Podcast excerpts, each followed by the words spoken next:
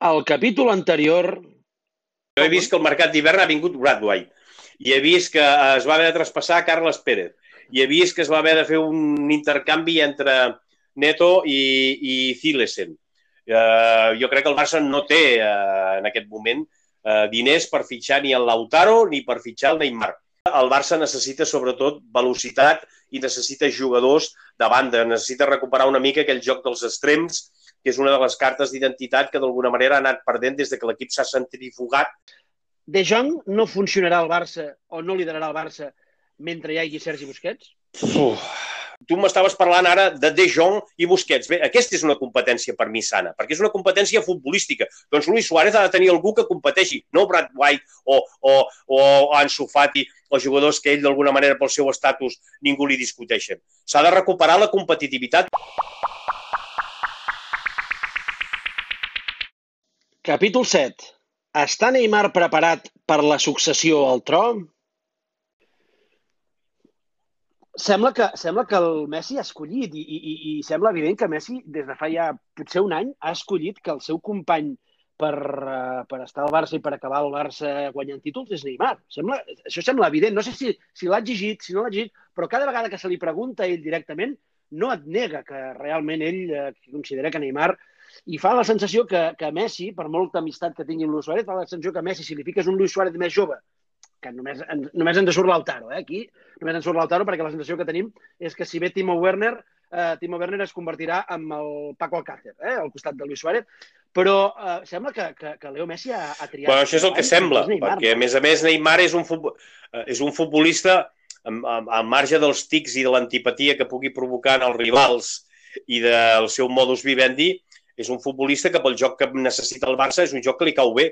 Eh, estàvem parlant de bandes, estàvem parlant 1 contra 1, estàvem parlant de velocitat, estàvem parlant d'explosivitat. Ara, jo vull saber si Neymar està disposat a ser el futbolista que substitueixi el tro a, a Messi. O sigui, Messi fa temps que està esperant. Ara se n'ha anat Cristiano Ronaldo i sembla que Cristiano Ronaldo, sense patir, sense competir amb Messi, sigui menys Cristiano Ronaldo i fins i tot hi hagi menys Messi. S'està esperant aviam quin és el futbolista candidat a pujar al tro. Pot ser Mbappé? Bueno, és una possibilitat. Pot ser Neymar? És una altra possibilitat. Però aquí parteix de les ganes d'un futbolista. Jo el que desconec és si Neymar està disposat a assumir aquest rol que li vol conferir Messi. El que no pot ser és tornar al Barça costant calés i a sobre vivint del cuento, com es diu. Si ves per un sentit de responsabilitat esportiva i fins i tot baixant-se el sou. És capaç de que els calés que deixi de perdre eh, amb el contracte amb el Barça els pugui recuperar a, a, a, a merchandising perquè pot arribar a ser el millor jugador d'Europa o del món? Home, doncs aquesta seria una de les claus de volta. Però l'has de convèncer a través del joc i de la responsabilitat, no a través de que Barcelona es viu més bé que no pas a París. Ha sigut una conversa deliciosa. La partirem amb tres, eh, amb tres uh, entregues al, al podcast la, i... La, ja les entrevistes eh, són, passen a ser propietat teva. Molt. És a dir, quan tu de vegades, ara posaré un altre exemple periodístic, quan tu has entrevistat una persona i et comença a preguntar quan sortirà, com sortirà, la podré veure jo, vol dir que malament, perquè hi ha una qüestió de desconfiança. Això és una de les coses que ens deixem fer els periodistes, també. Els periodistes hem d'enviar les preguntes abans, les coses són naturals, sí. i si algú l'interpreta bé o malament i tu després has de donar explicacions, les dones. El que no pots fer és dir-li ara, escolta, faràs el favor de no ho faiguis amb tres, perquè llavors perd naturalitat. Home, no em faiguis aquesta putada. Home, fes-me l'altre. L'entrevista és teva i, per tant, un plaer haver-la pogut compartir. Saludar especialment al Paco Cabezas, amb el que compartim lloc al camp. Eh, eh, estem de costat a costat, igual que amb el Rafael Taponet, igual que amb l'Albert Guasc, igual que amb el Joan Jupallàs. Jo crec que cadascú ho fa el millor que pot i una, eh, ells tots són molt més joves i jo ja cada cop estic una mica més enrere i crec que el planter de cronistes que té aquest país és molt bo i, i la varietat per poder anar al quiosc, que vam com hem començat, és tan ample que el que has de fer és llegir-te-les totes i després dir avui m'ha agradat més aquest, avui m'ha agradat més l'altre. Ostres, aquest ha donat un punt de vista que l'altre no ha vist. I aleshores, tal vegada, després de llegir-te sis cròniques, potser tindràs una idea com cal del partit.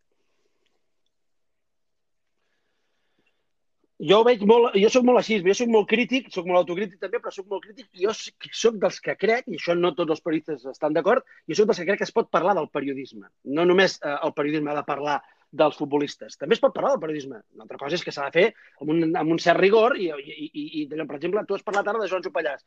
Des de fa 3-4 anys m'encanten els articles de Joan Jopallàs. Puc no estar d'acord amb tots, però m'encanten.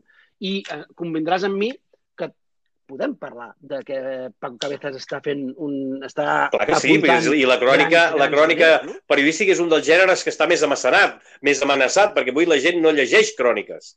La gent només vol opinió, enquestes, eh, jocs, però llegir-te una crònica es fa difícil. Si els, si els diaris ja gairebé no s'obren amb la crònica esportiva, s'obren amb personatges, amb declaracions, amb, amb, amb moltes altres coses que no és el paper allò que feia la crònica com a paraigües del que havia passat en un partit. Per tant, és importantíssim els nous cronistes, que el jovent no perdi aquesta vitalitat i que justament hi hagin molts diferents de cròniques, cròniques més descriptives, cròniques més metafòriques. Per exemple, jo amb el Paco l'admiro que té aquesta capacitat metafòrica, aquesta capacitat d'il·lustrar les seves cròniques amb cites. Jo, jo ja no ho sé fer, això, perquè ja, jo, ja, ja, ja m'ha passat aquella trampera que tenia ella en un moment. Ara potser sóc més descriptiu, m'agrada més mirar què ha fet Messi, què ha fet l'altre. I aleshores el lector tria però no tria justament perquè és el que més li agrada o no, sinó perquè llegint moltes cròniques diu, ostres, mira, aquest tio quin punt de vista tan guapo, ostres, aquest altre m'ha fet veure això, ui, avui no estic gens d'acord amb això. Què vol dir? El que dèiem abans al principi, mirar, comparar, contrastar i donar la raó o no donar la raó, estar d'acord o no estar d'acord, no simplement consumir per dir, no vull llegir res més perquè ja sé de què ha anat la pel·lícula.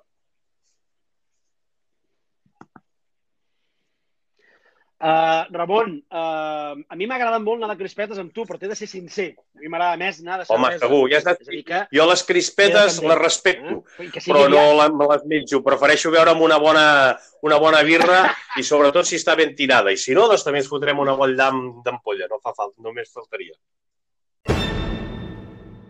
Perquè serà senyal de que ja podem sortir al carrer i es podem començar a renegar amb els que no ens donen una notícia, amb perseguir, amb que no t'agrada una cosa o l'altra. La vida, que és cada dia la capacitat de sorpresa. Ara ens estan acostumant a rutines. Jo el que m'agrada és sortir i no saber què et trobaràs, perquè una mica és el que és l'ofici de periodista.